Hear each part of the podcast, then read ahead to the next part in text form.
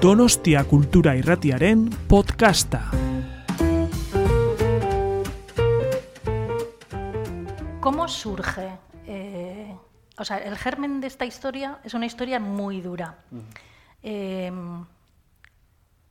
¿Conoces a un niño o por qué sur cómo surge esta historia? Bueno, mi madre cuando leyó la novela en 2013 ya no sabía casi que yo escribía, se había enterado de que yo escribía porque una vecina le llamó un día y le dijo que tu hijo está en la radio. Bueno, no yo, un relato mío estaba en la radio y es que Juan José Millás en un programa que tenía, bueno, en un espacio que tenía con Gemma Nierga en la SER, por las tardes tenía los viernes un concurso de relatos. Creo que sigue, Francino sigue haciéndolo a continuación. Uh -huh. Así es. Eh, y en ese concurso, pues eh, cada semana se proponía un tema y, y, se enviaban relatos. Yo, desde que me enteré, empecé a concursar de una manera constante. Cada semana concursaba, gané dos veces. Sendos jamones, eh, de los que no queda ni, ni, el recuerdo, porque mis compañeros de piso y algún visitante que por aquí anda también seguramente se llevó alguna loncha de regalo. Ese día mi madre se enteró de que yo escribía, porque una vecina le llamó, y la siguiente noticia que tuvo de que yo escribía fue cuando leyó Intemperie. Y leyó Intemperie y me llamó muy asustada, diciendo, temiendo que yo fuera el niño de Intemperie. Dijo, ¿Esto, ¿esto te ha pasado a ti? Digo, no, mamá, no me ha pasado a mí. Es una, es una mujer mayor que tampoco tiene una relación con la lectura muy habitual, no es muy, no es muy lectora, nunca, no tuvo la suerte casi de ir a la escuela. Entonces, bueno, eh, las diferencias a veces que incluso para un lector avezado entre la realidad y la ficción son difíciles de determinar. Ella pensó que me había pasado a mí, que no podía ser producto de la ficción, que no dije, yo me, me, empiezo a dedicarme a esto, mamá, yo invento historias y esta es la, historia que he inventado y que se ha publicado. Y el origen de esta historia es, eh, se remonta seis años atrás, antes de la publicación, en 2013, y lo que recuerdo, o creo recordar, porque lo he contado muchas veces y ha pasado mucho tiempo, pero para el caso es lo mismo. Creo recordar que vi algo a mi alrededor, en mi entorno más cercano, una familia con dos, padre, madre y dos hijos. Uh -huh. eh, y recuerdo que era, uno de los hijos era constantemente elogiado. elogiado. Elogiado constantemente. Y el otro era constantemente reprendido. Pero era evidentísimo. Era dolorosísimo verlo desde fuera. Yeah. Entonces yo empecé a pensar, en ese momento ya escribía de una manera habitual, ya había escrito muchos relatos, había ganado algún jamón incluso de esos, eh, de modo que ya tenía digamos, el, el, germen, la idea de escribir novela en, la cabeza, y esto me llamó mucho la atención. Entonces empecé, empecé a pensar en, en, qué se sentiría ese niño pequeño, ¿no? el, bueno, el niño pequeño, el niño que era constantemente reprendido, cómo se sentiría sobre todo dentro de casa, porque en público era muy desagradable, pero dentro me podía imaginar un ambiente mucho más apretado, más, oprimido, más opresivo para él, más eh, traumático. Entonces empecé a escribir la historia de estos dos niños eh, y su vida en la casa y la familia, y durante 60 o 70 páginas yo escribí y desarrollé esta historia desde casi como comienzan todas las historias familiares, ¿no? describiendo el entorno y los miembros de la casa, y un día este niño decide escapar, sale de su casa y llega hasta un olivar remoto donde se esconde bajo, en un agujero bajo los olivos. ¿no? Y ahí se me acabaron las ideas. Ahí dejé de escribir, no sabía cómo seguir, yo había llevado el niño de la mano, pero es que no sabía qué hacer con él, no tenía herramientas para seguir adelante. Así que esta va a ser la respuesta corta. ¿eh? Eh, va a haber tiempo para, dos preguntas. Tiendo, tiendo a enrollar. Bueno, seré, seré breve. Llevé al niño hasta ahí, no supe cómo seguir, me di cuenta de que no tenía herramientas como narrador, quizás los relatos estaban bien, pero la novela me quedaba grande, y lejos de amilanarme, empecé a escribir otra novela desde otro punto de vista, una novela con una trama muy compleja, eh, también dando palos de ciego, una novela que después de dos años acabé. Leí y tiré a la basura porque era muy mala.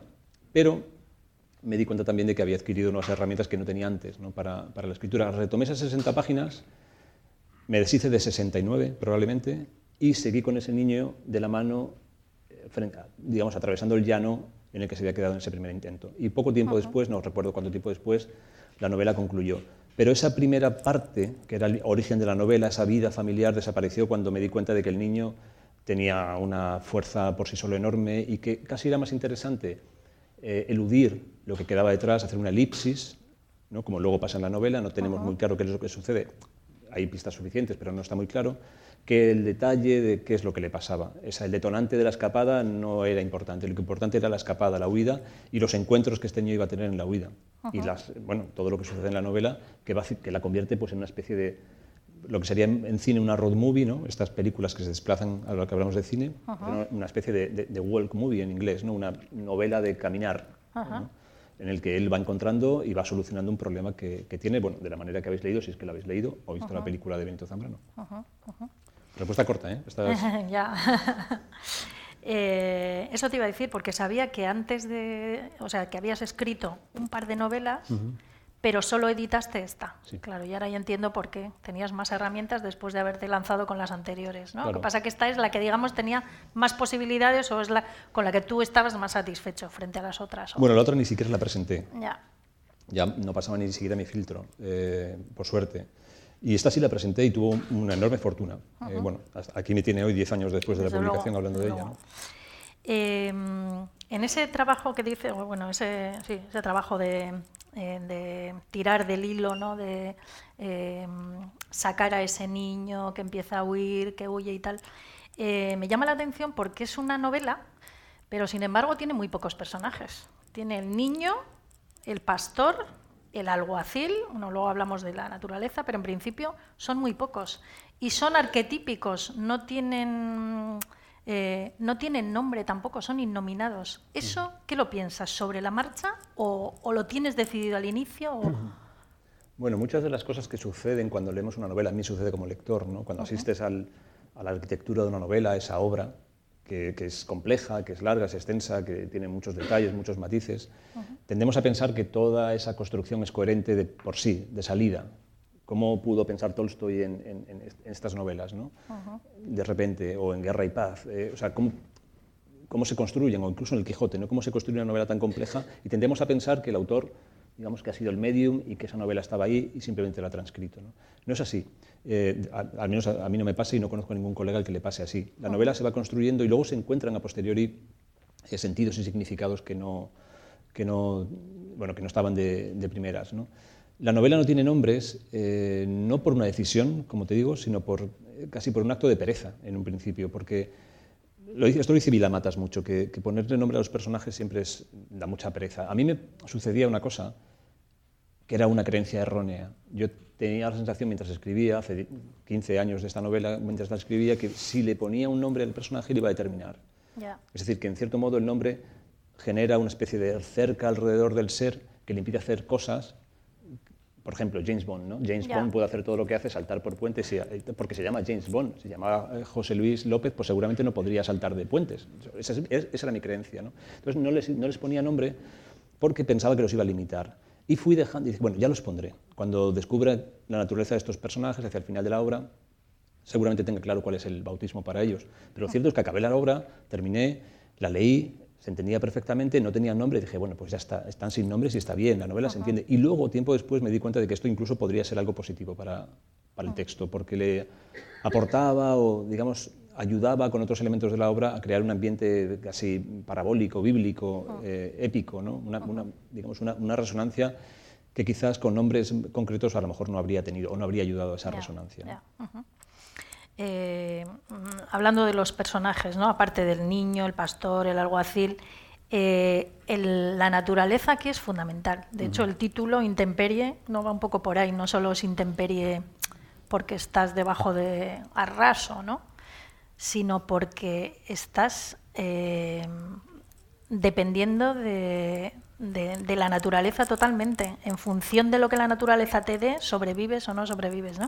Entonces, yo creo que la naturaleza tiene muchísimo eh, papel aquí. Yo creo que igual hasta sería el personaje más importante, o porque al final determina la vida de los de ellos, ¿no? De los protagonistas. O sea, les marca, les hace. O sea, todo lo que sufren tiene muchísimo que ver pues, con, con eso, con la intemperie. Con, el, con el llano, con... Yo creo que ese efecto eh, que citas tiene que ver con que es un paisaje, un escenario único. ¿no? Si recuerdas Dogville, por ejemplo, la película de Las Bontrier, es un paisaje único, un escenario único en toda la película. Es un estudio con un plató en el que las líneas de la ciudad están dibujadas en el suelo. Es un solo ambiente. Y en esta novela hay un solo ambiente. Y ese ambiente tiene por, por, obligación que tener fuerza, como tiene en Dogville, fuerza el... Vamos cambiando de ambientación, viajamos, vemos interiores, exteriores países diferentes, diferentes climas, digamos, esta fuerza del, paisaje o del contexto se pierde, se diluye, en cierto modo, y lo que emergen son las figuras de los personajes y la trama. Pero en este caso, como es un solo eh, contexto, pues efectivamente tiene una fuerza enorme. Además, es un contexto eh, que tiene una gran incidencia, como dices, porque es un contexto extremo. O sea, no es que estén precisamente en una playa caribeña donde les ponen, asoman la mano y les ponen una, caipiriña, ¿no? No, no es esto, es un sol, es una intemperie eh, radical. Los personajes tienen que protegerse de ella, tienen que huir de ella, tienen que aprender a manejarse en esa intemperie, en el campo, y ahí eh, pues digamos que emergen eh, conocimientos muy básicos y muy esenciales que no todo el mundo tiene. En este caso los tiene el cabrero y parte, del, parte de la novela consiste en ver cómo, en entender cómo ese conocimiento se transmite. Un conocimiento muy sencillo, un conocimiento que tiene, podríamos decir, su, su esencia en el, en, el, arte, bueno, el arte no sé si quiere ser un arte, en el, oficio del ordeño. ¿no? Para quien haya intentado ordeñar una cabra, para quien sea cabrero o cabrera, pues es un, es un gesto absolutamente natural. Para los que no somos cabreros, es una, es una, habilidad complicada, ¿no? sin digamos, molestar al animal y sacando una cantidad de leche. Eso se ve muy bien porque le cuesta muchísimo. Claro, es que es difícil. Yo lo intenté, para documentarme con esta novela lo intenté con vacas y cabras y no fue fácil. Eh, el cabrero me dijo, mira, ya sigo yo y con, la vaca, con la vaca tuve más suerte. Es que además no solo como pones las manos en los pezones, sino el cubo también, claro. como que se te escapa. Que, Claro, la cabra es muy levantisca y tiene que atarle una pata a un rejo en el suelo para que no se vaya. Está muy bien explicado cómo ponen los palos así para que el cubo no se mueva. Mm. Se ve muy bien, es muy visual todo, todo muy bien marcado. Eh, bueno, vamos ahora a hablar un poquito del lenguaje, que a mí me gusta mucho ahondar en cómo, cómo están contadas las historias, ¿no? Eh, lo primero que llama la atención es la barbaridad del vocabulario. Es riquísimo. O sea, yo he contado que hay dos, cuatro, seis, ocho he contado, tampoco he hecho así, ocho eh, sinónimos de piedra. Piedra, guijarro, china, canto, pedrusco, pedernal, peña, roca. ¿Hay alguno más? No sabía que hubiera tantos, la verdad. Oye, no sé, ya te digo que no están todos. Eh, es una auténtica gozada eh, porque hay un montón de palabras que están ahí, que no las usamos. Entonces, cuando lees este tipo de obras, eh, está muy bien porque no necesitas ir al diccionario a buscarlo, entiendes perfectamente en el contexto. Si tuvieras que ir a buscarlo, y de hecho yo creo que en alguna crítica que te hicieron tenía que ver con esto, ¿no? que algunos ponían alguna pega como quizás eh, es excesivo, ¿no? y es como mm, dar tanta importancia al vocabulario igual eh, disminuye el interés por la trama. ¿no? Yo, desde luego, no lo veo así, pero bueno, ¿qué te, qué te parece ese...? Mm, puede ser, eh, puede que se me fuera la mano. ¿Sí? Eh, puede ser, no lo sé. Mis siguientes novelas tienen, digamos, ese factor mucho más atenuado. No, es que la segunda yo creo que sí que se puede decir igual que se te ha ido más la mano, pero en esta yo creo que no. ¿Tú crees que la segunda tiene un léxico más...? No lo sé. Yo, creo que está más marcado. O sea, mi intento con este léxico no es otro que de intentar ser preciso. Eh, no tengo ninguna intención de alardear, porque no alardeo yo, alardea el diccionario. Basta con buscar en el diccionario la palabra más rara que encuentres y encajarla en el texto. Eso no tiene ningún valor. Intento ser preciso. Eh, intenté ser preciso, siempre lo intento. Voy descubriendo con el tiempo que puedo ser preciso a veces sin el empleo de un término específico, es decir, a través de una metáfora o de otra, otros recursos lingüísticos pero hay un momento en el que es el adjetivo solo el que, el, que necesitas para esa sensación o esa emoción o lo que sea. ¿no? Pues intento ser preciso, de ahí la riqueza de ese léxico. También es cierto que la novela digamos, está fundamentada en un arte, en, un, arte en, un, oficio que tiene sus propias, su propia jerga. Eh, entonces, el burro, alrededor del burro, las albardas, cómo las pone, los cestos. Quería mostrar también la riqueza de algo que aparentemente es algo muy simple, ¿no? Ah, bueno, sí, cargar un burro, aparejar un burro. Bueno, aparejar un burro no es sencillo. No son dos elementos, no es una silla que coloques y pones un velcro, no. Hay otras muchas cosas que tener en cuenta, es mucho más complejo. Quería también hablar de esa, de esa riqueza, ser preciso y también hay ciertas eh, palabras que me, que, me, suenan bien, es decir, la, eufonía del texto también creo que es importante, por lo menos para mí. Yo cuando acabo un texto siempre lo leo en voz alta e intento encontrar varias cosas, errores, repeticiones, soy muy eh, quisquilloso con las repeticiones, por eso quizás toda esa variabilidad con, el mineral de la que, a la que aludías, ¿no? Detecto una palabra repetida tres páginas después si es muy específica, entonces intento eh, siempre que eso no esté en el libro. Y como te decía, precisión, eh, buen sonido y melodía también para, para el texto. Eh, llama la atención que tienes un vocabulario riquísimo y sin embargo eres muy ambiguo en cuanto a dar nombres de espacio, tiempo, los de los personajes que decíamos, ¿no? No se sabe en qué tiempo sucede, mm. se intuye, yo qué sé, la posguerra, ¿no? Eh, pero dónde tampoco no queda muy, ¿no? es todo como muy ambiguo, y, ¿no? es, un, mm. es un contraste, ¿no? la riqueza, el ir, el buscar la palabra exacta ¿no? frente a la ambigüedad eh, a este nivel. Sí, pero creo que son compatibles ambas cosas. El hecho de que no haya topónimos en la novela y tampoco fechas tiene un sentido. Ahí sí que había una intención. Eh, yo quería que la novela estuviera ambientada, o me parecía que naturalmente tenía que estar ambientada en un, en un momento premoderno, entendiendo por premoderno un momento previo a la locomoción mecánica. ¿No? Porque quería que precisamente fuera una novela de caminar. Y de hecho hay una sola máquina de, locomoción que es el sidecar del alguacil, que es verdaderamente la herramienta que denota su poder y que le otorga una ventaja, poder, ¿no? es, el, es la, gran, la gran arma que tiene el alguacil, puede llegar a un lugar en el que las personas tardan andando dos días, puede llegar en dos horas. Entonces yo quería que amplificara su sensación de poder con esta herramienta. Y quería, por tanto, que la novela tuviera ese, esa habitación que es premoderna. Y en ese espacio, eh, y en ese espacio se me ha ido el santo al cielo.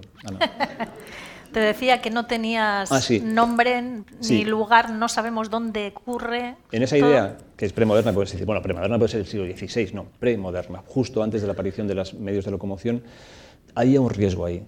Si la novela tenía que ser ibérica, porque yo quería que fuera una novela, precisamente como reacción a esa otra novela que no publiqué, que se ambientaba en Australia, que había nazis y que en espacios que yo no conocía, quería que fuera un espacio bien conocido por mí. De hecho, si la novela tiene alguna emoción, se debe a que yo tengo una relación profunda con ese espacio, que es más o menos la zona, bueno, el pueblo en el que me crié, en Torrijos, en la, en la provincia de Toledo.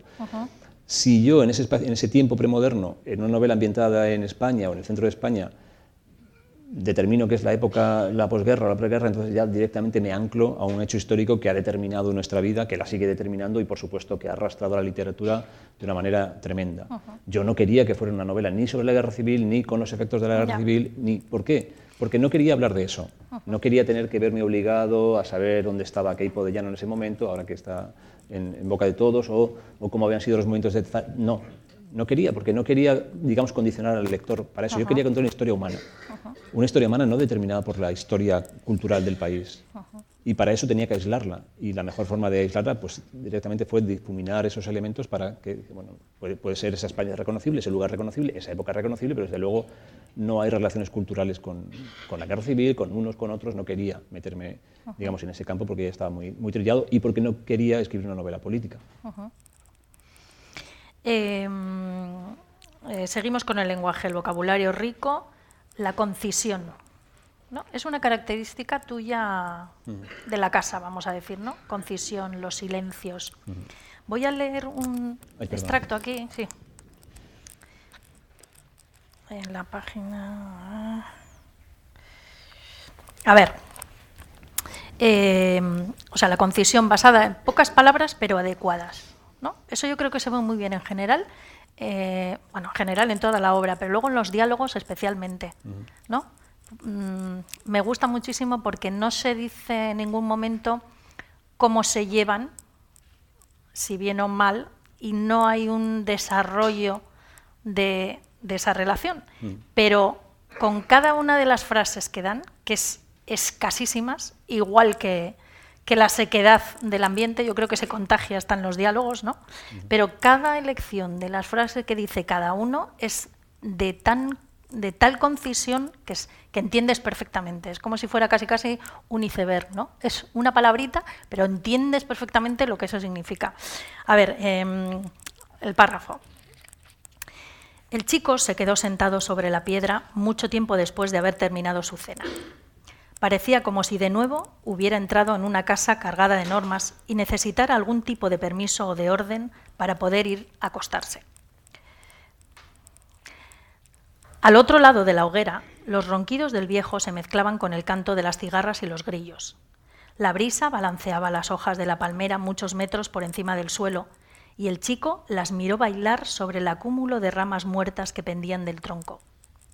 Recorrió el lugar con la mirada y levantó un dedo para buscar una brisa que no encontró. Pensó que a la altura a la que la copa de la palmera crecía, corría un aire más puro que el que circulaba a ras de suelo y que algo habría hecho la palmera para merecer ese aire balsámico. Se palpó la máscara cerosa y sintió la piel de su cara súbitamente reblandecida y caliente. Algo habría hecho él para merecer sus quemaduras, su hambre y a su familia. Algo malo le recordaba el padre a cada instante. Eh, bueno, eh, como antes te he dicho, que había momentos así de cierta ternura que no había encontrado en la primera lectura. Por ejemplo, esta idea de la palmera, cómo se balancea, es muy enternecedora, ¿no? Y como muy muestra muy bien la inocencia del niño, ¿no? Eh, algo habría hecho la palmera, ¿no? Por, disfrutar de ese aire balsámico.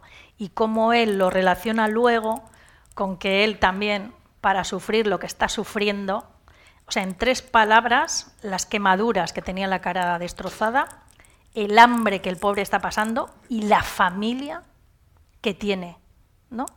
Y luego ya termina eso, cómo lo une con esa palabra, esas, dos palabras que su padre se supone que le decía constantemente. Algo malo has hecho, algo malo, todo lo haces mal, ¿no?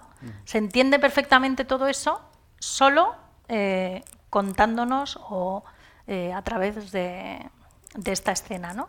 Eh, la concisión. Eh, he leído en algún sitio que te gustaba mucho leer a los autores norteamericanos. ¿no? La influencia de Raymond Carver, del realismo sucio, ¿no? Allá por los 60, 1960, 70, por ahí. 70. Sí, por ahí. Eh, ¿La influencia de Carver estaría ahí, por ejemplo, en esos silencios, en esa concisión? Sí. ¿O tu oficio de, anterior de publicista tiene que ver con esa concisión? Bueno, o... y, y, otra cosa más. Dime. Está Carver, está el oficio publicitario y está mi padre también. Ah. Era un hombre muy, muy adusto, muy seco, muy parco en palabras. Uh -huh. Yo siempre he tenido en gran aprecio esa, esa parquedad. ¿no? Y al contrario, siempre he sentido hartazgo cuando ha habido demasiada abundancia de charla, de cháchara, de, de ruido innecesario, ¿no? porque se puede decir todo con muy poco en mi padre, mi madre también, pero mi padre sobre todo nos ha enseñado las cosas más importantes de la vida, las que nos han hecho a, a mis hermanos y a mí como somos, para bien o para mal, prácticamente sin decirnos nada, con muy pocas palabras. ¿no? Entonces, esa concisión a mí siempre, digamos que está dentro de mí desde casi de, desde, desde nací. ¿no? Uh -huh. En cuanto a influencias literarias, efectivamente, la lectura de Raymond Carver y de otros realistas sucios me impactó desde el principio.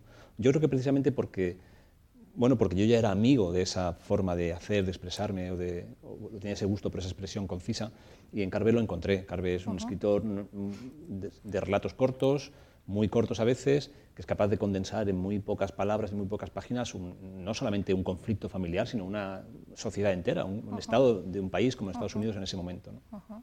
Y para eso es, era un maestro.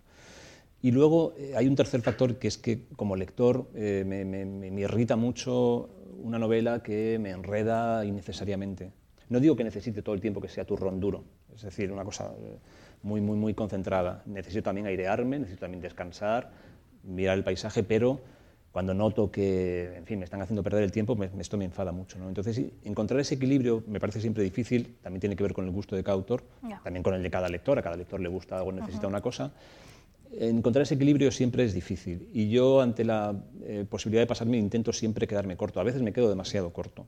Y como decía, como apuntabas también, mi, mi, práctica de la escritura publicitaria también ha hecho mucho. Durante 12 o 14 años que la ejercí, pues yo me sentaba todas las semanas a escribir intentando quitar, quitar, quitar y quitar todo el tiempo. Me daban un encargo de cuatro folios y yo tenía que dejar en una frasecita un titular, un pequeño subtitular y un texto muy corto, siempre que cupiera en un pequeño folleto una pequeña página de prensa. Entonces esta este esfuerzo, esta práctica en la síntesis, desde luego se ha transferido a, a, digamos, a mi escritura literaria y seguramente también empastaba con lo que yo ya era, ¿no? con es, ese gusto que yo tenía por lo, por lo breve o por lo conciso, no por lo cargado de significado. Por eso, -huh. el, el, volviendo un poco a la pregunta de antes, el vocablo específico, el término específico, digamos, sería el arquetipo de esta idea, ¿no? solamente una palabra que pueda digamos, resonar ampliamente, que pueda alumbrar un espacio léxico muy, muy amplio, con muy, muy pocos elementos, ¿no? que son unas pocas letras. Voy a leer otro extracto también, eh, que también va un poco en esa, en esa onda, y luego, pero termina con un diálogo, eh, 56, para que se vea eso, que, que he remarcado antes del diálogo, ¿no? El niño, bueno, se van, eh, habían pasado la noche y tienen que recoger todo. Y le dice el cabrero, coge la manta. Y entonces empieza la escena ahí. El niño se levantó al instante, recogió la manta del suelo y estiró un brazo para acercársela. El viejo la recibió y con ella cubrió el contenido de los herones. Silbó al perro y como la última vez que se vieron, el animal corrió hacia las cabras más apartadas y las atosigó para que se juntaran. El chico se preguntó si habría de repetirse para él un día como el anterior. Desayuno al amanecer, camino e insolación. El viejo agarró el ronzal y le pegó un par de tirones. El asno comenzó a avanzar detrás del pastor, bamboleando la carga y el resto de la comitiva los siguió. El niño se quedó donde estaba, viendo pasar el rebaño por delante de él y cómo se alejaba despacio con su algarabía de balidos y cencerros templados en todos los tonos posibles. El viejo y el burro por delante, el perro enloquecido y luego las cabras, dejando tras de sí una estela de cagadas como la cola de un cometa. Cuando habían recorrido veinte metros, el viejo se detuvo y se volvió hacia donde se había quedado el niño. No te voy a esperar toda la vida. Eh, qué bien se muestra la relación entre ellos. No necesita dar más eh, datos, ¿no? Con esta frase ya está, ya sabe lo que venga, tal, ¿no? Y luego esta idea del niño como está mirando, como si fuera casi casi algo ajeno a él, ¿no? Eh, se encuentra hasta hace nada estaba solo, tal, y ahora de repente tiene una especie de familia, se me va el, y de repente pasan por delante de él con los ruidos, ¿no? el cencerro, las cagaditas de la cabra, y él lo ve como si fuera, ¡eh! venga, vámonos. Claro, él todavía no se ha sentido invitado. Es la primera vez que le invitan a participar en, en, ese grupo, es la primera vez que le acoge a alguien de esa manera, ¿no? Así que está sorprendido, está esperando a ver qué pasa. Lo, normal que lo mira como que, no va con él, no, no, no. Pero se ve muy bien. El otro le dice, venga, ¿no? Le hace partícipe y ven, sígueme. No han hablado de qué va a pasar. No, yo no he dicho que voy, quiero que vengas conmigo. Yo no he dicho que voy a ir contigo, pero ya hay ese. Sí, la novela está cargada de sobreentendidos.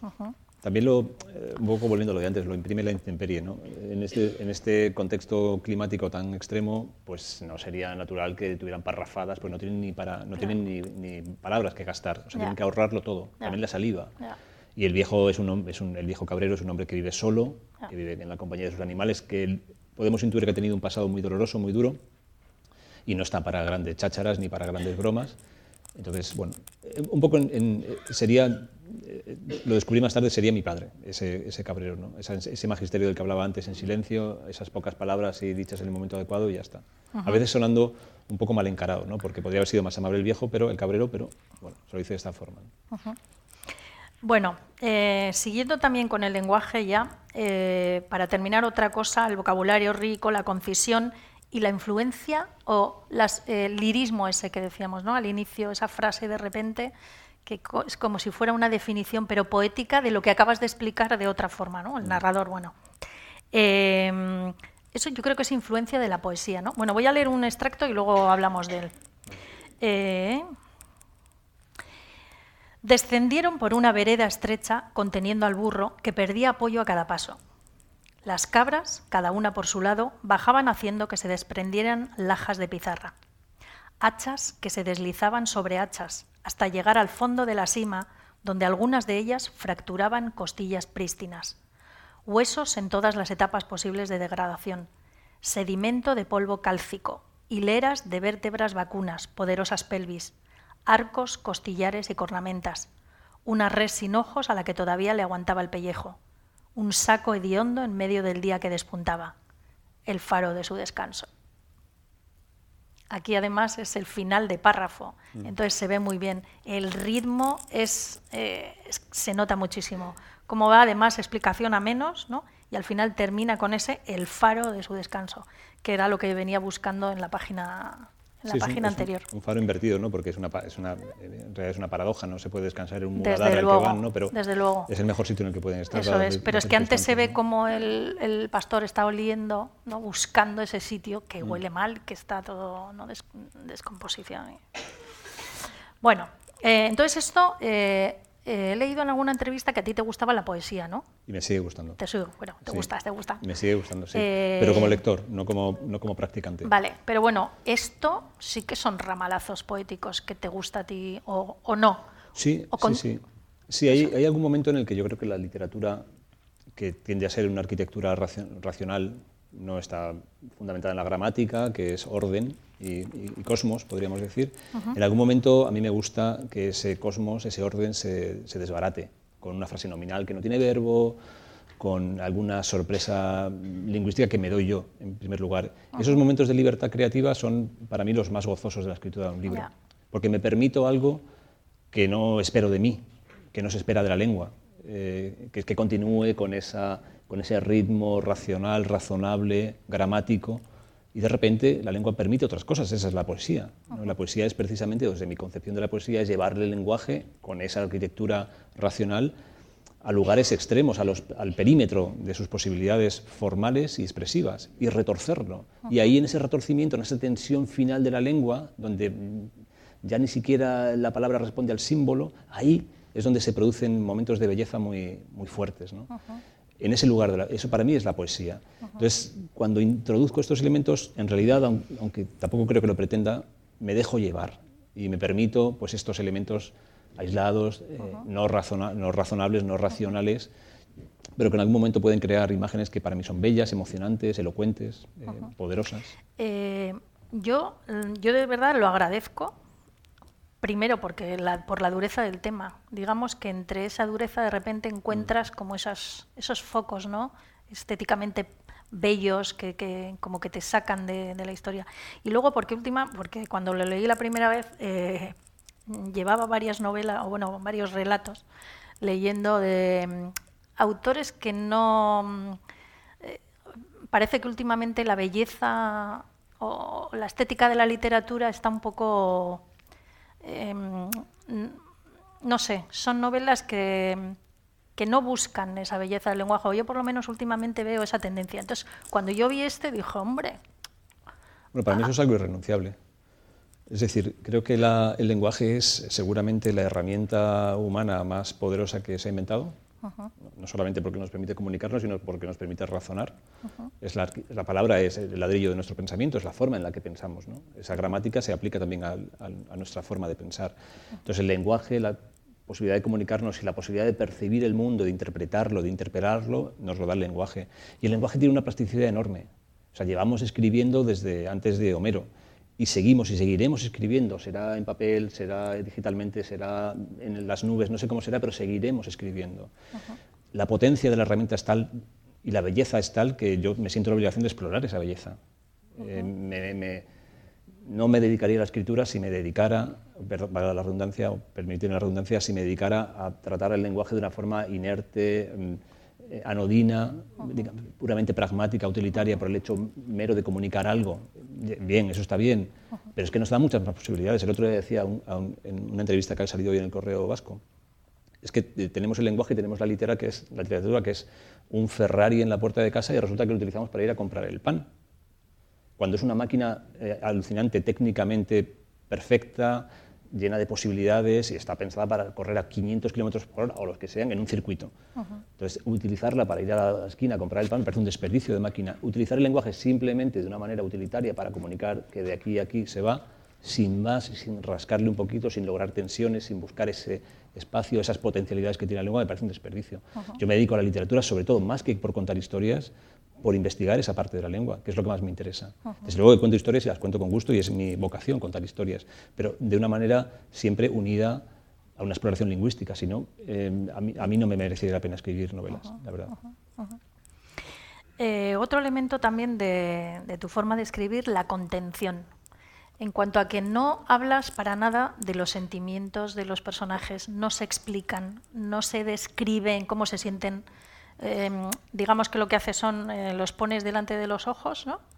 ellos actúan y a partir de ahí el lector eh, pues, eh, dice, bueno, pues están en este, en este momento de sus vidas, se sienten así, su estado de ánimo es este. eso también supongo que es un objetivo, ¿no? Mm. Que buscas tú, la contención, ¿no? De, bueno, es una ilusión por una parte, detesto el edulcoramiento emocional y las efusiones descarnadas de emociones, o sea, descarnadas, decir, las exhibiciones de emociones me, chirrían, pero aprecio profundamente la emoción verdadera. O sea, no la, expresión barroca de una emoción no significa que no admita la emoción, por supuesto. Es que busco esas emociones, las busco con una absoluta profundidad, pero esa profundidad no tiene por qué ir hacia afuera, puede ir hacia adentro. Eso por una parte. Y por otra parte, porque cuento con que los lectores, las lectoras, son seres emocionales y emocionales, que tienen su propio repertorio de emociones, que tenéis vuestras propias vidas, que os voy a contar. ¿no? Vidas con emociones, con experiencia, con camino, con tránsito, y lo mejor que puedo hacer yo es hacer un paréntesis y decir, bueno, pues aquí quizás quepa tu emoción. Donde yo digo que el niño pasa miedo, no me meto mucho más. Mete tú tu miedo, mete tu desesperanza, tu dolor, eh, tu frustración, porque todos la tenemos. ¿no? Entonces, abrir ese hueco para el lector para mí es, una, es, una, es clave, es fundamental. Ahí hay técnicas eh, para lograr ese efecto, pero desde luego para mí también, igual que eh, buscar la belleza del lenguaje, es un objetivo irrenunciable. Dejarle hueco al lector. Es decir, si yo describo profusamente todo lo que siente por dentro ese personaje, todas sus emociones, le estoy dejando muy poquito sitio a, a, a mi aliado, a quien completa el hecho literario, que es la persona que lee el libro. ¿no? Entonces, intento siempre dejar ese hueco. A veces no es sencillo, a veces te puedes pasar, te puedes equivocar, te puedes quedar corto, el paréntesis no está claro, pero intento que sea así. Y mucha gente se acerca a mí, muchos lectores se acercan a mí diciendo, bueno, pues tu novela, digamos, la he hecho mía. Y en ese hacer mía la novela yo entiendo que he tenido éxito, que he dejado ese hueco porque no haces algo tuyo que, no, que verdaderamente no, no esté bien fuerte dentro de ti. Ya. Hablando de ese miedo que dices, eh, eh, en, en, el cómic que hizo Javi Rey, ¿no? Me Sí. parece, eso es. Eh, hay momentos que realmente son terribles. Eh, creo recordar que era cuando el niño me parece que está soñando Sí. y entonces se, imagi- se imagina al alguacil como un satán, ¿no? Mm. Eh, es increíble la- los dibujos que hace porque es verdaderamente horroroso, o sea, y, y que te da pánico. O sea, tú hablaste con él de, de eso para a la hora de ir a hacer los dibujos. Hablaste sobre ese, Bueno. el papel de satán de es que lo hace estupendamente. No, o sea, ese y es- da más miedo que el libro. Sí, exactamente. Esa es una de las, de las partes en las que el cómic mejora el libro, indudablemente. Igual que hay partes de la película que mejoran el libro también, pero en esa parte el cómic mejora el libro. Yo no le dije, yo le conté también como cualquier lector, con que él pusiera sus emociones y tuviera sus visiones en la novela. Ahí eh, se cuenta una pesadilla, que es una pesadilla que yo tenía de niño, que era recurrente. Cada vez que tenía fiebre soñaba con la misma cosa, la misma pesadilla agobiante. Y yo intenté trasladarla con palabras, no de una manera exacta, pero trasladarla. Y él interpretó ese sueño de esa forma. Y lo hace de una manera brillante. Cuando yo vi ese sueño, cuando yo vi esa pesadilla que era la mía, no es que fueran las imágenes que yo tenía, porque esas son imposibles de claro. contar, pero desde luego se acercaban mucho más que mi propia expresión de esa, pa- de esa pesadilla. Y además emplea recursos gráficos que son sorprendentes. Por ejemplo, toda la novela gráfica tiene las viñetas pues, rodeadas con una línea negra en la ventana. ¿no? Sin embargo, cuando llega, y con una paleta de, de colores, la que sea, si están de día, noche, seco, más seco o menos seco, cuando llega a los sueños, la viñeta, el perfil negro desaparece Sí. Y el color blanco va directamente, o sea, el papel blanco se mezcla con el color de la viñeta. Sí. Y la paleta de colores también cambia, se convierte en algo surreal, colores chillones. Sí.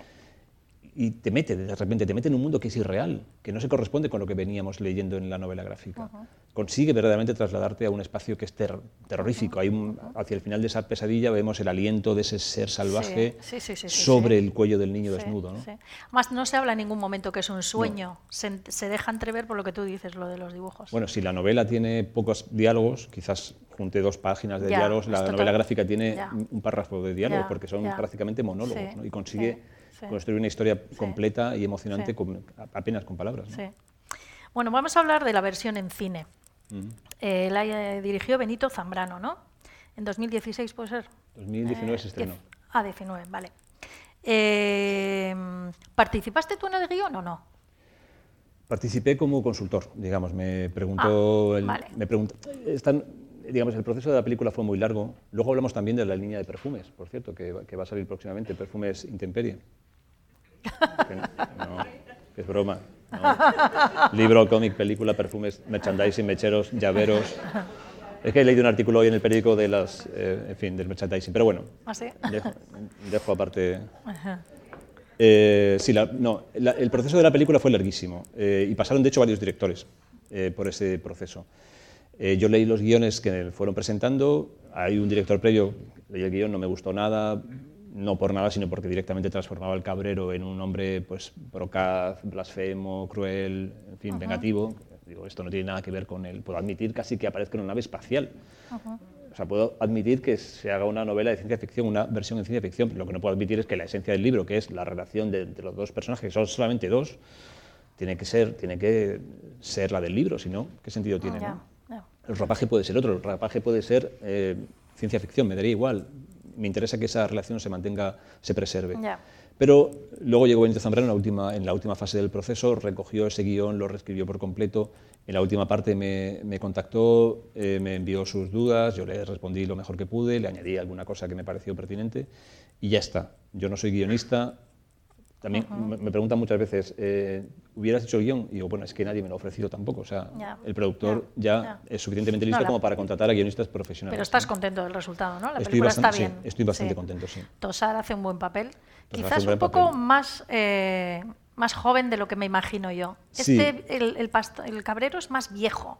Es ¿no? que eso O tiene bueno, que yo ver- la idea que tengo es de más viejo. Tiene que ver con una cosa de producción. Ah, vale. Con ese proceso tan largo, Ya. Luis Tosar estaba ya en el proyecto antes de que llegara Benito Zambrano, Ya. eh, con otro enfoque de guion. Entonces, bueno, lo que hace muy hábilmente Benito Zambrano ahí es envejecer al personaje por la vía de darle un pasado muy salvaje. Ha participado en guerras, ha matado gente, seguramente, ha visto morir a mucha gente, ha sufrido mucho y entonces eso le ha envejecido, realmente le ha curtido. Y llega, hay una mosca aquí. Sí, hay una mosca por ahí. Ya Sí, está. Ya está. Eh, eso, entonces, Sí. eh, pero sí, es, es- es joven. Es cierto que es, eh, yo estuve en el rodaje, eso estaba en el contrato, que me llamó la atención. Eh, decía, tienen que invitar al autor a ver el rodaje un día o dos, Ah, y me invitaron. Eh, y fui para allá y fue maravilloso ver cómo trabajaban lo- todos los equipos en medio del llano. Eh, Era un agosto en el interior granadino, hacía un calor horrible, había polvo por todas partes, pero había ahí 70 personas en medio de la nada montando esta película. Y entre ellos Luis Tosar, que estaba, eh, yo recuerdo que fui en una escena en la que Luis Tosar acaba de recibir una paliza en el pozo y pues en ese momento el perro tenía, estaba, le habían disparado y había un amaestrador del perro que intentaba que se quedara quieto, fuera del plano. El caso es que Tosar estuvo dos horas al sol, lleno de sangre falsa, eh, aguantando profesionalmente hasta que llegó el momento adelante. Y el tipo, o sea, yo le veía a tres metros eh, la mirada y era impresionante. Sea, yo nunca había visto un actor profesional, salvo en el teatro, tan de cerca trabajar. Y menos en un contexto tan increíble, porque si lo ves en el teatro hay unas luces, hay una imitación, hay una continuidad en la obra, pero esto estaba completamente parándose, estábamos en medio de la nada, había 70 personas alrededor, 60 he dicho antes, 60 o 70, focos, en fin.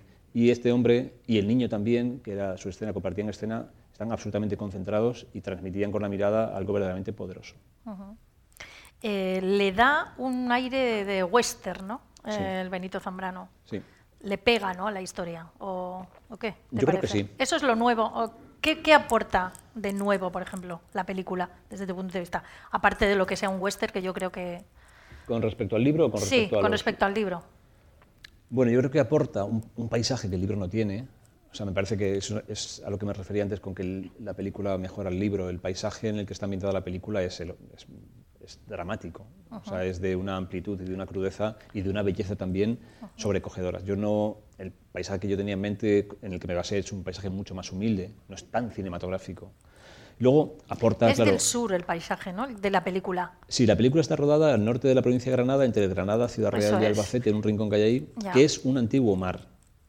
Es- ese era el lecho de un, era un lecho marino. Entonces, eh, eso significa que lo que hay ahora en el suelo es un polvo finísimo, lunar, que es el resultado del cieno del, del lecho marino desecado. Entonces, era verdaderamente como estar en la luna, el polvo se te metía por todas partes. ¿no? Eh, ¿Esto más, más pensado en Toledo así? O... esto está en, el- sí, en Torrijos, en el centro de la provincia de Toledo. También le aporta, por supuesto, a la película un ritmo que el libro no tiene. El libro es mucho más pausado y la película necesariamente tenía que ser, tenía que acentuar esa idea de persecución o de thriller que en algún momento tiene. Pero bueno, es lógico que haya cambios porque le- los lenguajes son diferentes. No es lo mismo el lenguaje de la novela que el lenguaje de, del Sí, cine, que el lenguaje del cómic. Mucha gente me lo dice, ¿no? que ha visto la película y, y leído el libro y dice, me gusta más el libro. A Zambrano le dirán, me gusta más la película. Claro, pero a mí me gusta, me, vienen y me dicen, me gusta más el libro. ¿no? Lo que pasa Eh, que si pero no lees- en- no, entiendo, y yo, yo que he estado dentro del proceso sí que lo entiendo. O sea, la novela tiene, como decía antes, dos páginas de diálogo. Si queremos llevarnos esto al cine y hacer una película mínimamente comercial, que sea acogedora con un público más o menos amplio, pues tienes que añadirle un poquito de a- a- no, escenas que no tiene la- el libro, diálogo que no si no tendríamos una película iraní en toda regla, ¿no? O sea, planos de tren, con todo mi respeto, ¿sí? o sea, que me encanta el cine iraní, pero con una película contemplativa que no era el objetivo del productor en este caso. Eh, mm, a ver, eh, entendiendo que el, lenguaje eh, de la novela es diferente al lenguaje del cine y del lenguaje del cómic, ¿no? Son diferentes. Eh, cuando se habla, por ejemplo, de que una película no ha sido fiel a una novela, por ejemplo, en este caso para mí, entiendo el que dice, a mí me gusta la novela y me gusta la película, pero me ha pasado que he leído el libro, he visto la película y he dicho, ¿pero qué es esto? ¿No? no tiene nada que ver con lo que yo entendí, con, la, con mi interpretación. ¿no? Pero luego eh, me pongo a pensar y digo, pero si tiene otro lenguaje diferente, ¿es factible que no sea fiel a la novela? Quiero decir, tú, tú dices, ah, yo he visto unos guiones y no me gustaba, es que estaba enfadado porque no me, me parece que traicionaba tal idea, ¿no? Pero si es otro lenguaje, ¿tiene que ser fiel a la historia? Bueno, tiene que ser fiel a lo que consideramos que es el corazón de la historia. Ya. O sea, yo, como te decía, estoy dispuesto a cambiarlo todo, excepto lo que para mí es el corazón de la historia, que es la relación entre dos seres humanos, que se produce en unas, con unos ingredientes muy, muy, muy, característicos, que es distancia, pero también es ternura, es separación, es miedo, es recelo, pero también es una necesidad enorme de fraternidad. O sea, esa conexión de entre el mayor y el, y el joven que aprende, esa, esa conexión de aprendizaje, esa relación, esa transmisión de sabiduría de uno a otro y del otro a uno, eh, para mí ese es el libro. Eh, da igual que estén por un camino o por otro, que estén aquí o allá. Ese es el libro. Solamente pido que se, que se respete eso. Si vas a transformar eso, si vas a también a transformar, pues a lo mejor es que no deberías haber adaptado esta película, este libro, sino otro. Entonces tiene que haber algún elemento eh, digamos, en común. Y en esta película yo creo que ese, ese, como decía antes, ese elemento se preserva y el resto pues se adapta, porque es una adaptación cinematográfica, no es la versión del autor en cine, que hubiera sido mucho peor que, la, de Benito Zambrano, claro. Eh, bueno, vamos a avanzar en tu, en tu obra, eh, dejamos un poquito intemperie y vamos a La Tierra que pisamos, que es la siguiente novela, ¿no? De 2016, con la misma editorial, Seix Barral. es una ucronía, ¿no? una, no sé, como una reconstrucción de un hecho que eh, podría ser posible, pero no es real, ¿no? Un mm. hecho histórico, más o menos. Eh, aquí también das importancia a la tierra. La tierra no solo como generadora de alimentos, sino también como planeta, ¿no? Que también en intemperie está clarísimo que la tierra es importante porque hay una sequía, porque hay una despoblación, porque la gente se ha ido, ¿no? Em, ese afán por, eh, por defender o poner, por poner ese tema ¿no? Eh, delante de los ojos del lector, ¿hay, ¿hay un afán moralizante o simplemente llamar la atención por qué mal lo estamos haciendo ¿no? en el planeta? O, ¿Afán moralizante? Aparte de mí ese cáliz, señor. O sea, no, seré yo quien intente leccionar a nadie, ni decir, ni juzgar a nadie, ni a nada, y mucho menos a través de la literatura. También detesto la literatura moralizante, no, no, no, me gusta. Es que digamos que, que, hay ese tema de fondo, ¿no? De... Eh, bueno, lo que hay es un interés por un, por un tema que a mí me preocupa, particularmente a mí, pero no, por, no, no desde un punto de vista social, simplemente personal, por una relación emocional que yo tengo con la Tierra, parte de una relación emocional que yo tengo con la Tierra. Esa, película, esa novela perdón, comienza un día que yo estoy eh, trabajando en una tomatera en un huerto que tenía en la ah, provincia de Sevilla. Y es una sensación muy personal, muy profunda de olor de tierra, de, en fin, de una conexión muy fuerte con ese espacio. ¿no? Y a partir de ahí desarrollo esta historia, la historia de un hombre que está muy, muy, muy arraigado a esa tierra y de una mujer que ocupa ese espacio. Y al final acaba convirtiendo, digamos que esa relación con la tierra se expande, va de lo más puramente emocional y animal a lo político, en último término. O sea, cómo también la política, como el imperio digamos, comercia con la tierra, emplea la tierra, lo que para uno es el lugar en el que querer morirse o el que ha nacido, en el que está su memoria, para otro es simplemente un lugar en el que perforar y sacar petróleo.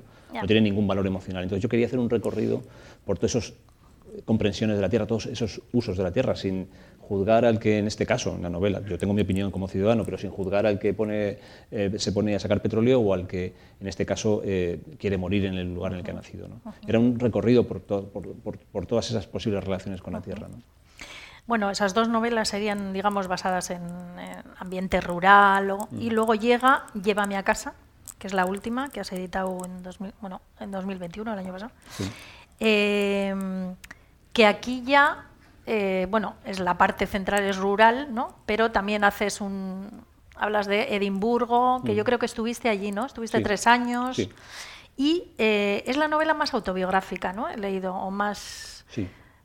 Ahí sí mi madre puede estar, puede, puede decir, esto te ha pasado a ti, sí, muchas cosas me han pasado.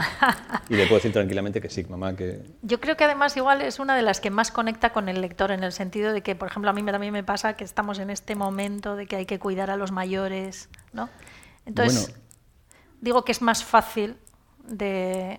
Sí, eh, de hecho me encuentro con muchísimas personas. La novela tampoco desvelaré demasiado, pero efectivamente habla, entre otras muchas cosas, de cuidados o del momento en el, que, en el que nuestros mayores se hacen mayores y empiezan a depender de nosotros. Es. Ya no son esas figuras que tiran de nuestra vida, sino que es- al, al final acaban tirando de la nuestra. ¿no? Esa pregunta, a poco que llegues a cierta edad, al final se te formula.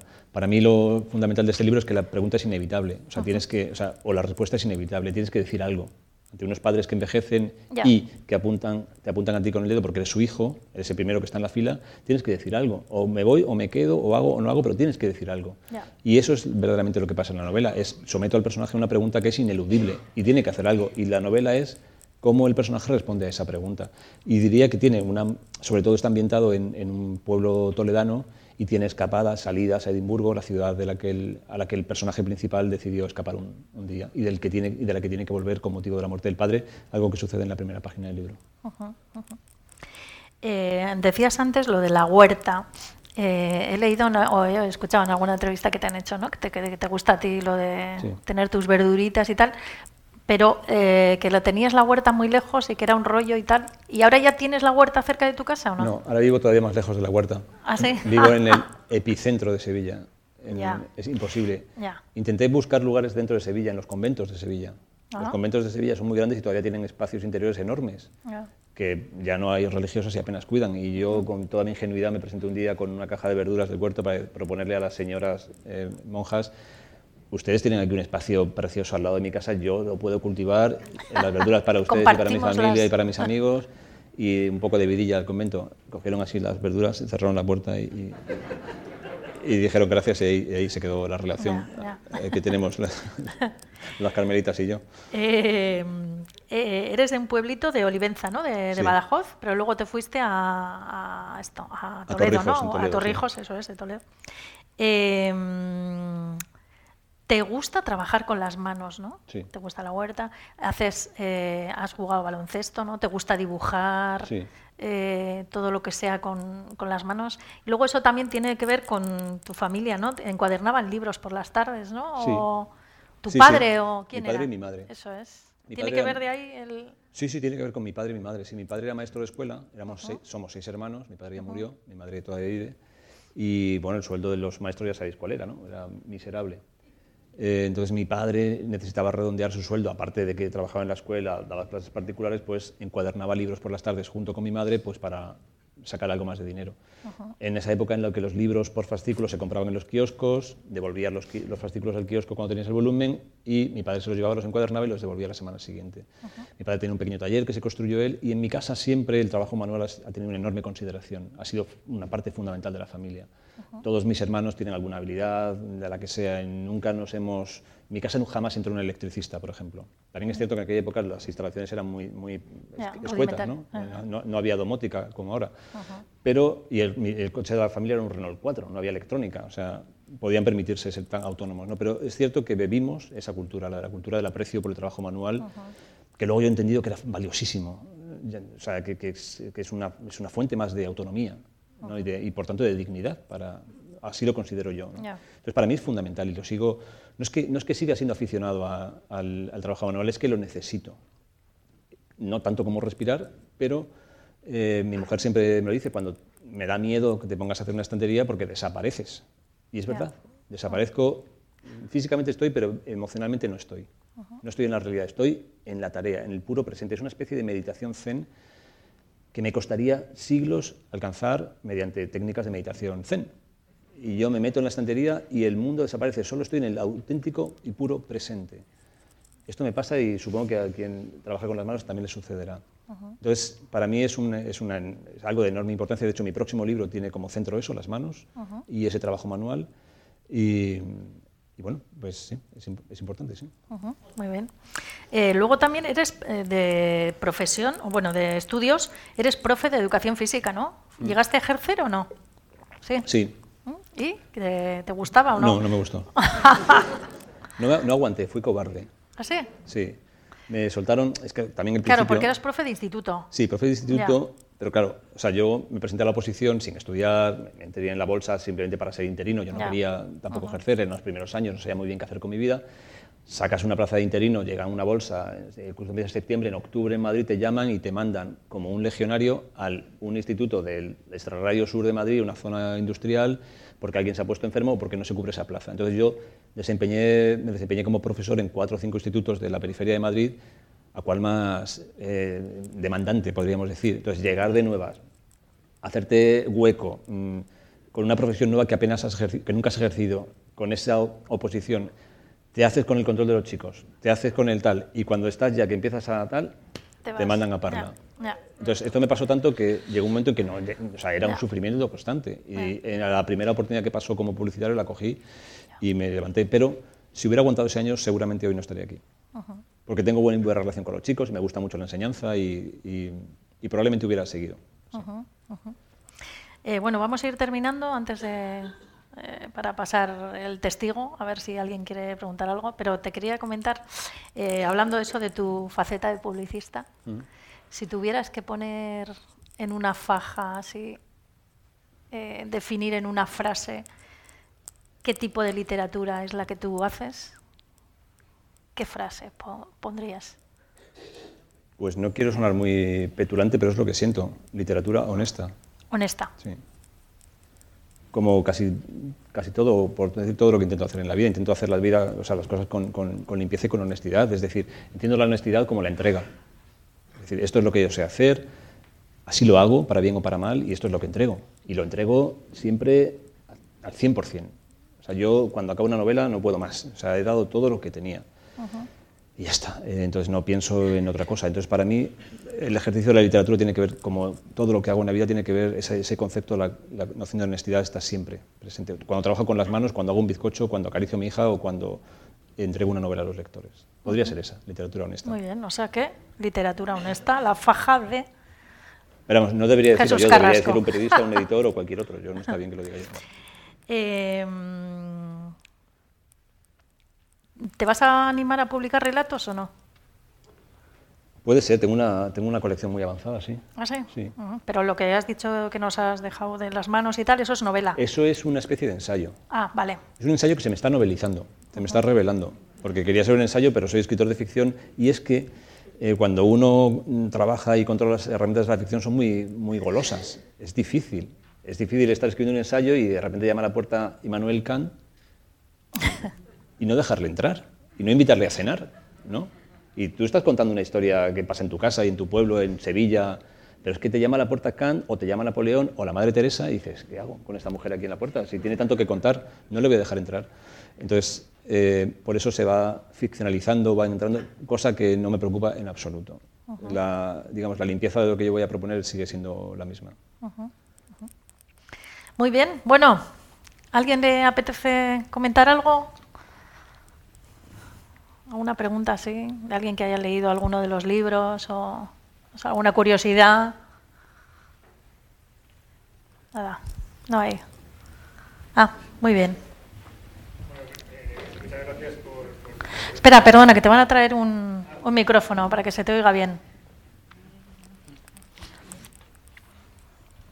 Hola, gracias. Buenas tardes. ¿Está, no? Eh, confieso que no he leído ninguno de tus libros, pero los, Me voy, los me tengo voy. ahí. Los tengo, No puede, ser, no puede ser. los tengo ahí la lista de posibles, ¿no? de, de los que quiero, quiero abordar en su día. Pero eh, mm, tengo la- una sensación muy, muy, muy parecida cada vez que vengo a una intervención li- literaria de algún escritor, y es la abrumadora presencia de mujeres entre el público. ¿no? Sí. Entonces, Bueno, aquí hay muchos hombres, ¿eh? sí, Hay muchos hombres. sí. Estoy viendo muchos hombres, ¿eh? Puede ser una excepción hoy, ¿no? Pero ¿No? generalmente... Jesús, hay muchos hombres, ¿eh? Sí, para lo que suele haber, sí. No, Yo estoy viendo por eso, muchos. ¿no? Suelen ser- sois muchos hombres, sí. Entonces, ¿eres consciente de que, de, de que eh, las mujeres son, son eh, básicamente las que conforman el núcleo de lectores eh, en este país en general? ¿no? Me refiero sobre todo a las novelistas. Absolutamente consciente. No solamente me dan de, de comer, sino que me, son el núcleo de mi vida. familiar y, en fin, emocionalmente hablando. Soy absolutamente consciente y, hoy no es un caso muy llamativo porque le contaban esta, esta, tarde que la semana pasada, hace unos días, estuve en Sevilla en una reunión de clubes de lectura, eran 80 personas y había 78 mujeres y dos hombres. Eh, bueno, y porque llegó uno al final, porque iba a presentarme, buenas noches compañeras y compañero, pero vino segundo y ya no pude hacer la broma, me fastidió la broma. Eh, pero soy consciente y yo he llegado a mi conclusión eh, al respecto.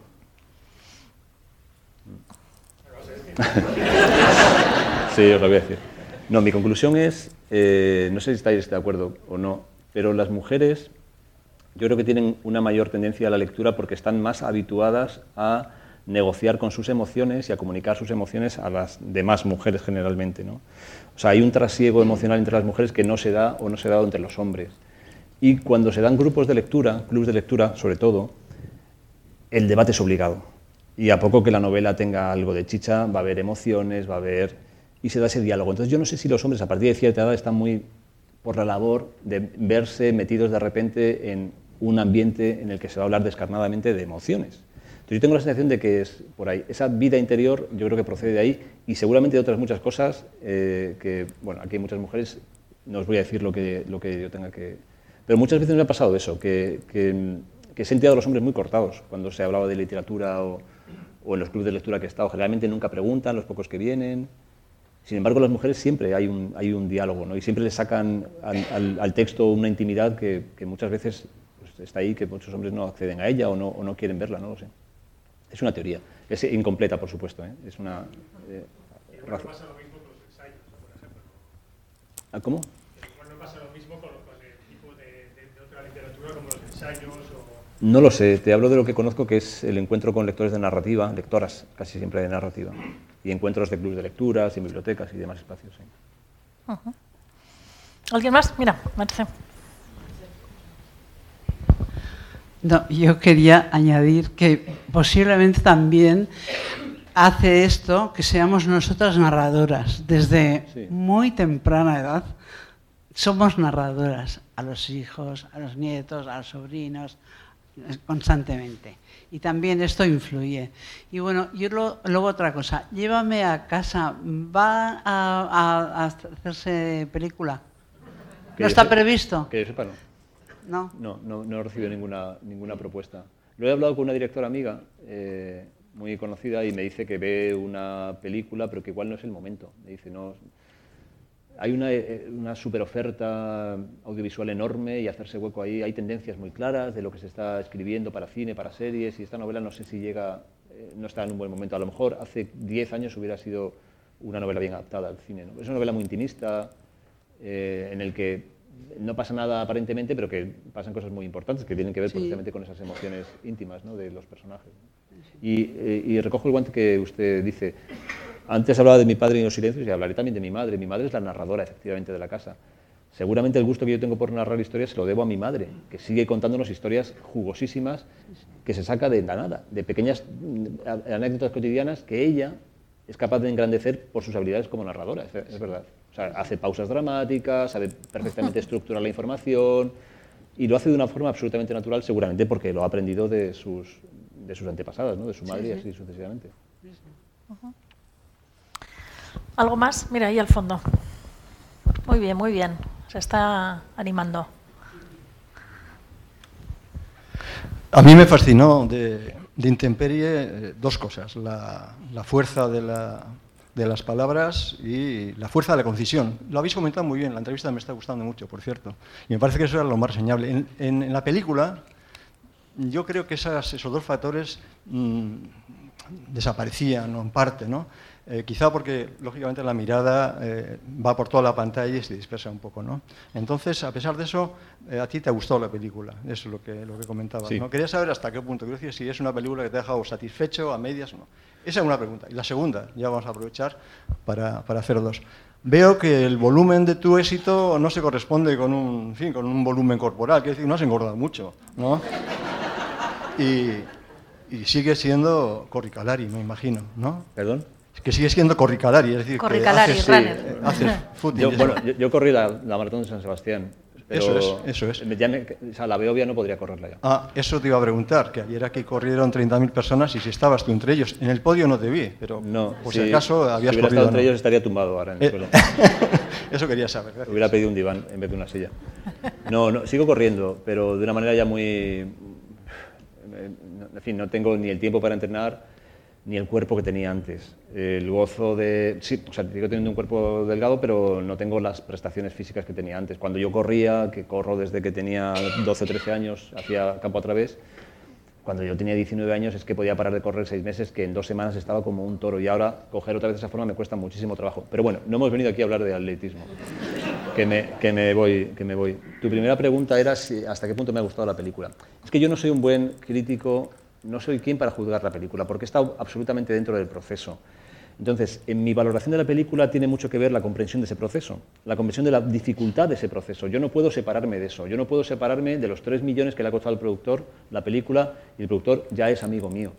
Yo no puedo separarme de mi relación con Benito Zambrano, ni con ver cómo los autores, ni ver cómo los oficios del cine muy esforzadamente han sacado adelante la película. Yo no me puedo separar de eso. Entonces, comprendiendo ese proceso y la dificultad de ese proceso, digo, la película es una película absolutamente digna, que está muy bien.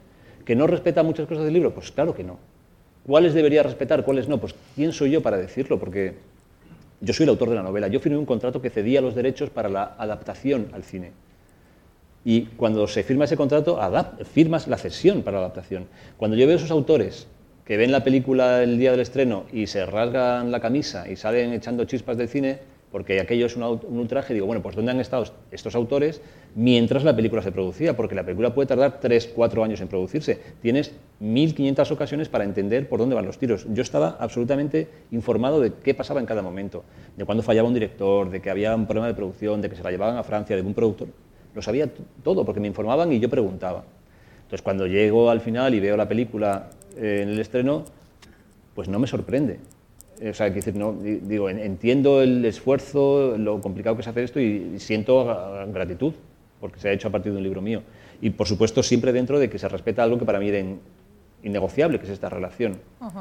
Cuando eso está conseguido, el resto me parece que no tiene tanta importancia. Yo creo que verla de nuevas, como espectador, habiendo leído el libro, viendo la película, produce un juicio diferente al que yo pueda tener, porque como te digo, he estado muy metido en el proceso y, entiendo perfectamente la complejidad de, todo, de todo este tiempo con la película. ¿no?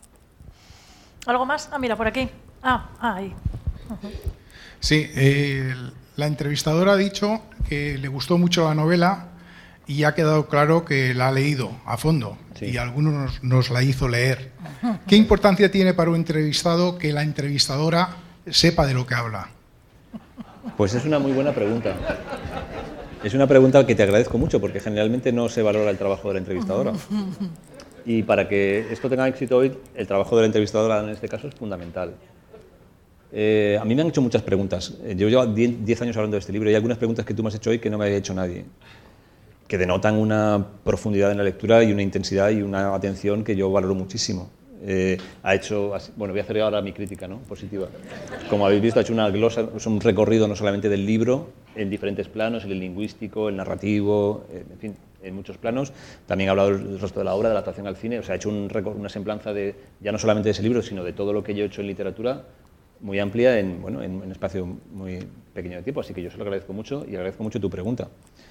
Hay, hay, un, entrevistador en Sevilla que es famoso porque es de radio, y, te dice, llegas al estudio en la radio y te dice, y de repente, un niño.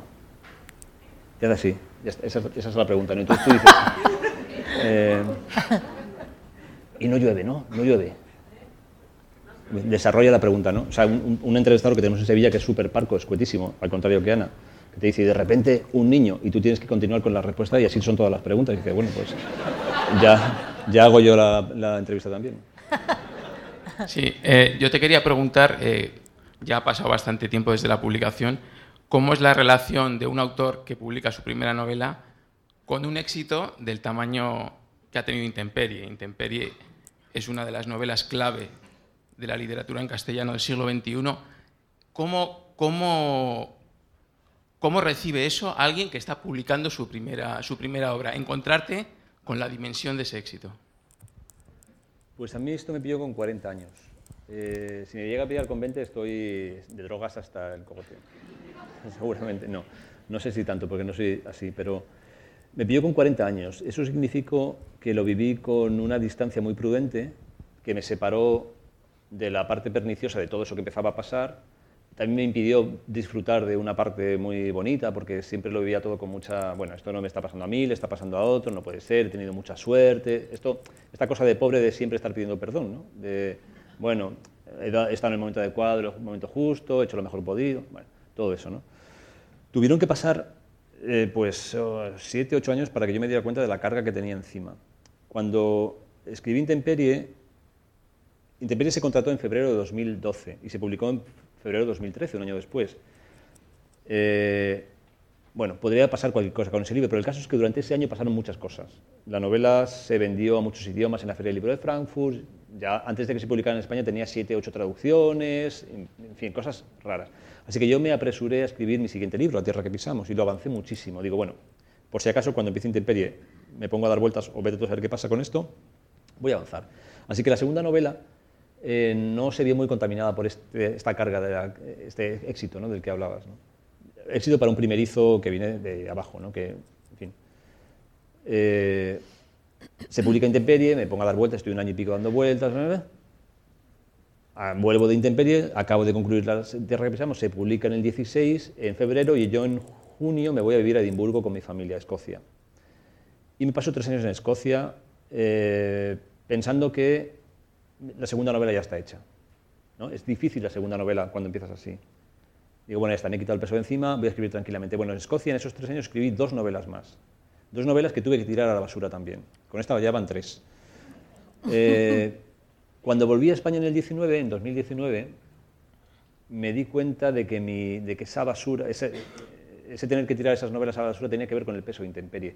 Que en realidad mi segunda novela no era esa. Mi segunda novela es mi tercera novela. Esa es la primera novela que yo escribo sintiendo sabiendo la responsabilidad de tener lectores, editores, traductores, etc. Todas esas cosas que son mucho ruido, mucha presión si no sabes manejarla. Entonces, yo, esa es mi segunda novela. ¿Cómo escribí esa segunda novela tercera? Pues volviendo a casa, tirando dos por el camino, llegando hasta el límite de mis posibilidades y estando a punto de, quitarme de la literatura, de irme. Estoy en diciembre, en el 2019, creo recordar, sí, en Sevilla, tomando una cerveza con mi mujer y unos amigos en una plaza. Estoy cansado, me subo a casa y me pongo a jugar con un arranque de novela que yo tenía de mi época de Edimburgo, diez páginas. A jugar, a jugar, cuando digo jugar es jugar, no es escribir, es jugar, como quien juega a la play, como quien juega al baloncesto. Me senté y seis semanas después había escrito la novela. ¿Por qué? Mi conclusión es porque estaba jugando. Estaba jugando. Eh, no estaba pensando en editores, no estaba pensando en lectores, estaba simplemente dejándome llevar, haciendo lo que se supone que tiene que hacer un escritor. Pero claro, efectivamente, cuando estás pensando en que te van a publicar en Holanda y que se va a gastar mucho dinero tu editor holandés y que tú tienes que responder a esa inversión de la mejor manera, gustará a los holandeses, no gustará y me traducirán, no sé qué, y ahora así no hay quien escriba. O sea, es imposible escribir.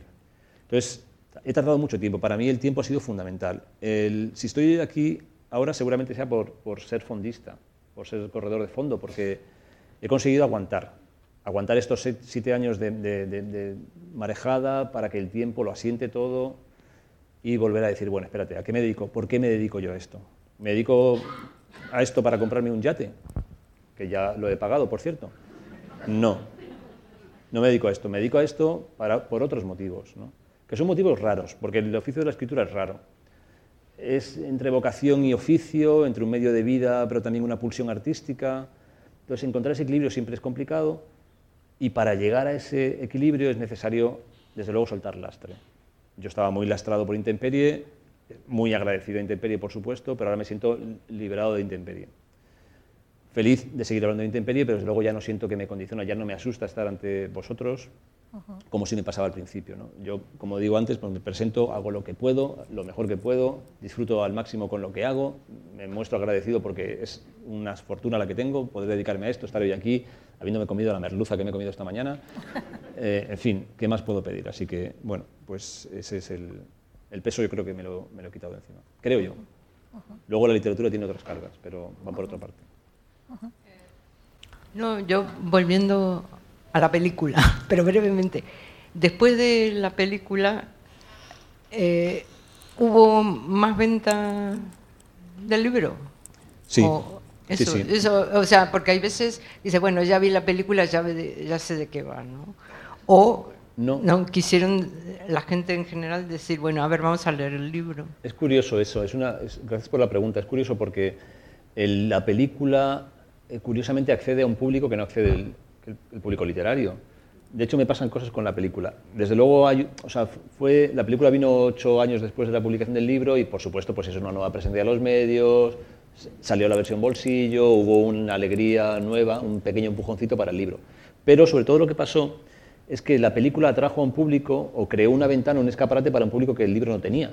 Hay gente que ve la televisión española, la 2 o donde se proyectara la película, pero que no tiene afición. Entonces no sabía enterar ni siquiera que, que la película estaba basada en un libro. Y mucha gente ha venido al libro a través de la película. De hecho, hace poco me pasó, estaba en una cena con no sé quién, eh, en una reunión, eh, me, me presentaron un cargo muy importante de un político y, y, me pregun- bueno, me- no sabía quién era, eh, por supuesto, y le dijeron, sí, es el autor de la novela de, de Intemperie, la película. Ah, vale. Es decir, que la película verdaderamente ha abierto el, el rango del libro muchísimo. Al menos a mí me conocen mucha gente por la película y hay gente que no me conocía por el libro. Y estoy muy ansioso a ver qué público abre la línea de perfumes. que será más, más amplio todavía. Espero. Eh, por aquí, ¿no? Había alguien también. Ah, aquí.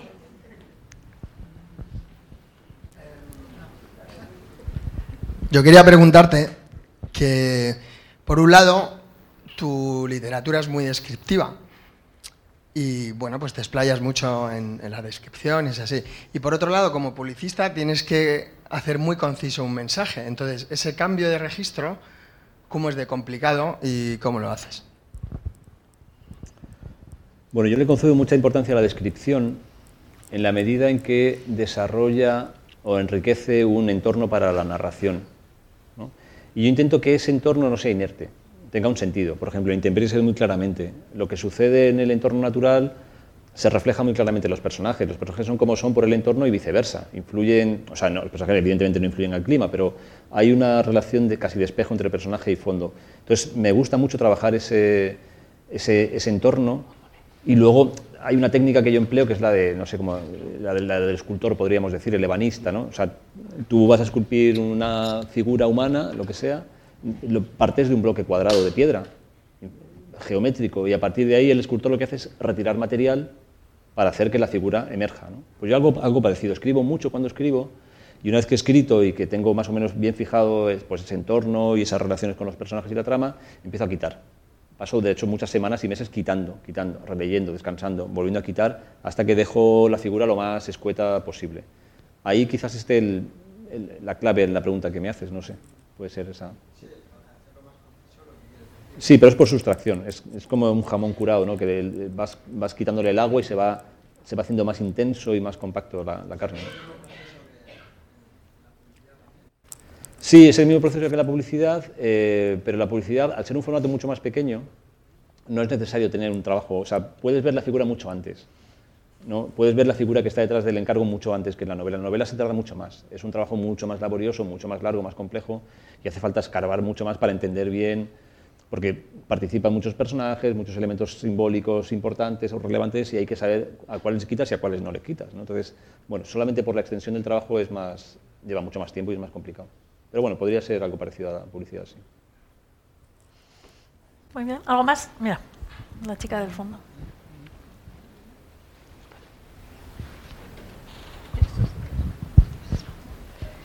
Eh, has hablado antes de, de tu conexión emocional con la cuestión de la tierra y me preguntaba también cómo, o sea, si podías elaborar un poco en la conexión que eso quizá pueda tener en tu última novela eh, a la hora de trabajar el tema de los cuidados, ¿no?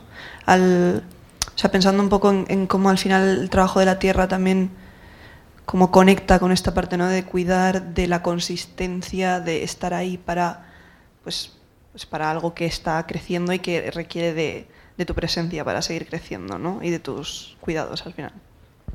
Sí, es una muy buena, es una muy buena pregunta, porque en realidad eh, todo conduce a lo mismo en esa novela, que es al concepto de cuidado. Cuidado de la tierra, pero cuidado de las emociones propias y de las de los demás.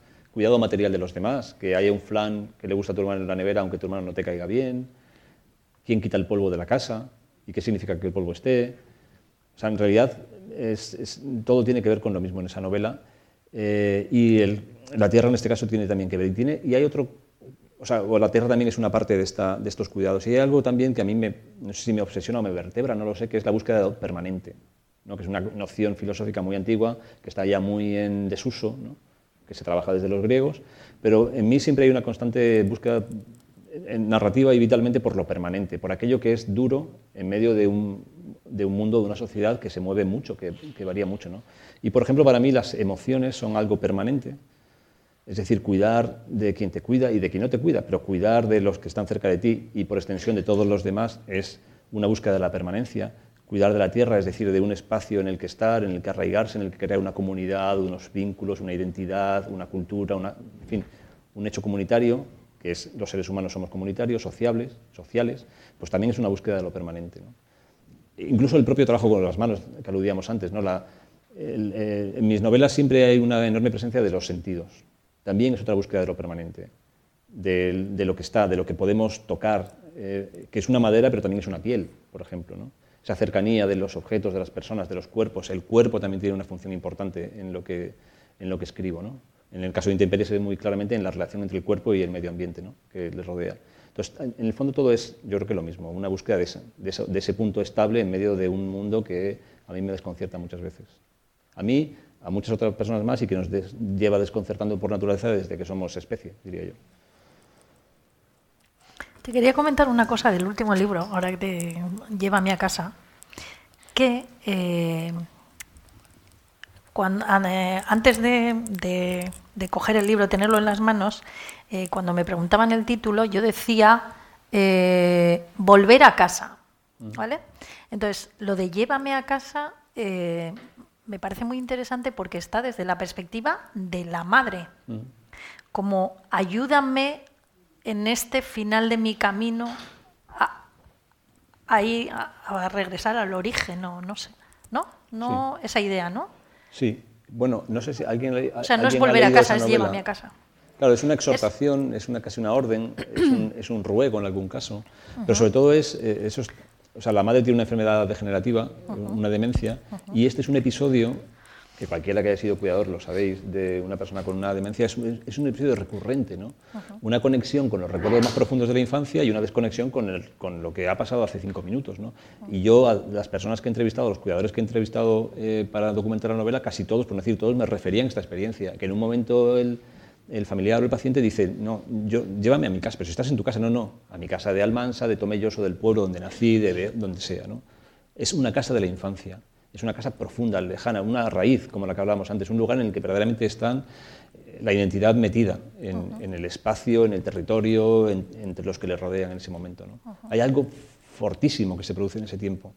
Vamos, tampoco lo voy a descubrir yo. ¿no? Y estas personas, por algún motivo que no sé cuál es, no soy médico, piden constantemente esto. ¿no? Entonces, ese, es el ruego que hace la madre en esta, en esta novela. Pero puede ampliarse mucho más. Es, también casi podría ser una vuelta a casa de todos ellos, ¿no? Eh, de los tres personajes. Llévame a la casa, la que sea, que no tiene por qué ser un, domicilio con un tejado, puede ser un, espacio de protección o de emocional. ¿no? Mi casa puede estar allí donde estén mis afectos o mis amores. ¿no? Bueno, puede ser eh, leído de una manera más amplia, pero en principio es ese, ese ruego de la madre. ¿Algo más? Ah, sí, estaba pensando en relación a estas dos últimas intervenciones. Em, de nuevo en la idea del cuidado, ¿no? cuidado como atender y una forma de responsabilidad también. ¿no? O sea, me da la sensación a medida que, estás hablando que hay una especie de, carga, no sé si moral, pero algún tipo de, de responsabilidad y ya no solo en, la literatura, que quizás es reflejo de eso, ¿no? pero también como una cuestión vital de, emoción privada. No sé si. Bueno, gracias por esa pregunta, porque para mí esa noción, la de responsabilidad, es vertebra la vida. O sea, para mí es fundamental, es crucial para comprender, no sé si me, para comprender o para posicionarme en el mundo. O sea, para mí la responsabilidad es central e insoslayable. La responsabilidad entendida como la asunción de las consecuencias de tus actos. Vemos muchas eh, disfunciones sociales y personales porque no asumimos los actos, las consecuencias de aquello que provocamos, de aquellos actos que nosotros emprendemos, digamos, desde nuestra voluntad. para mí, asumir esas consecuencias es fundamental. En esta novela se ve claramente, eh, pero es que lo recorre todo. O sea, todo, casi, casi todo lo que sucede alrededor se puede entender desde esa perspectiva. Para mí es, un concepto fertilísimo que cada vez me ayuda a entender más el mundo en el que estoy la responsabilidad y también la ilusión de esa, cómo se elude esa responsabilidad. Lo podemos ver en el ámbito político, pero también familiar, en el económico. Pensemos en una multinacional que nos vende productos pero al mismo tiempo destruye el planeta.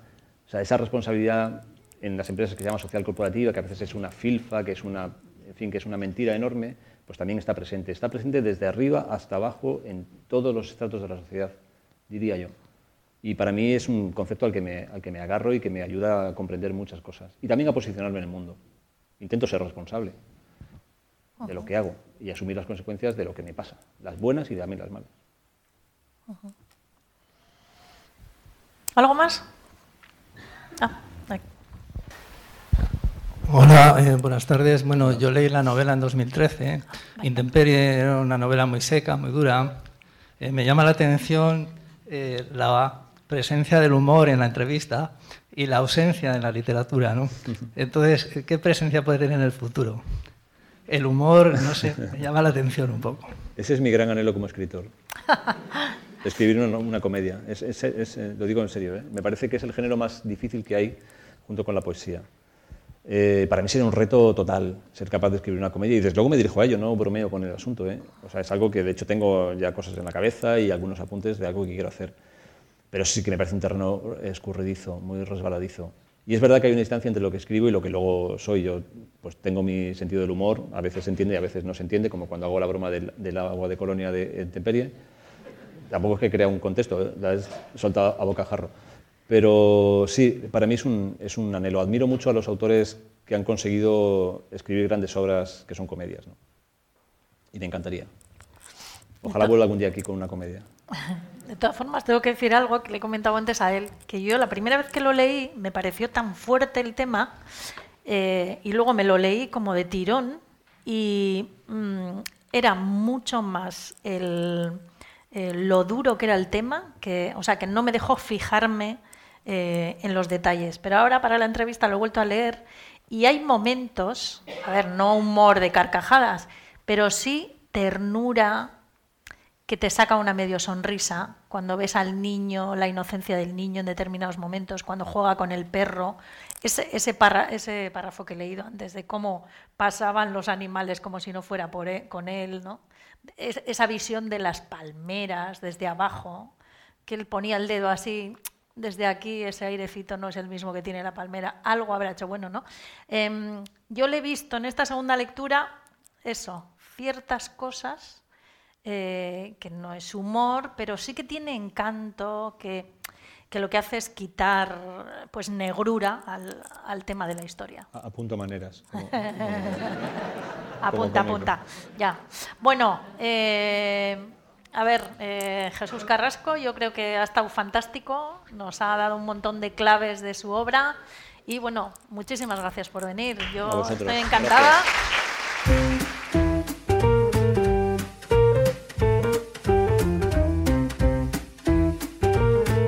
Donostia Kultura Irratiaren podcasta.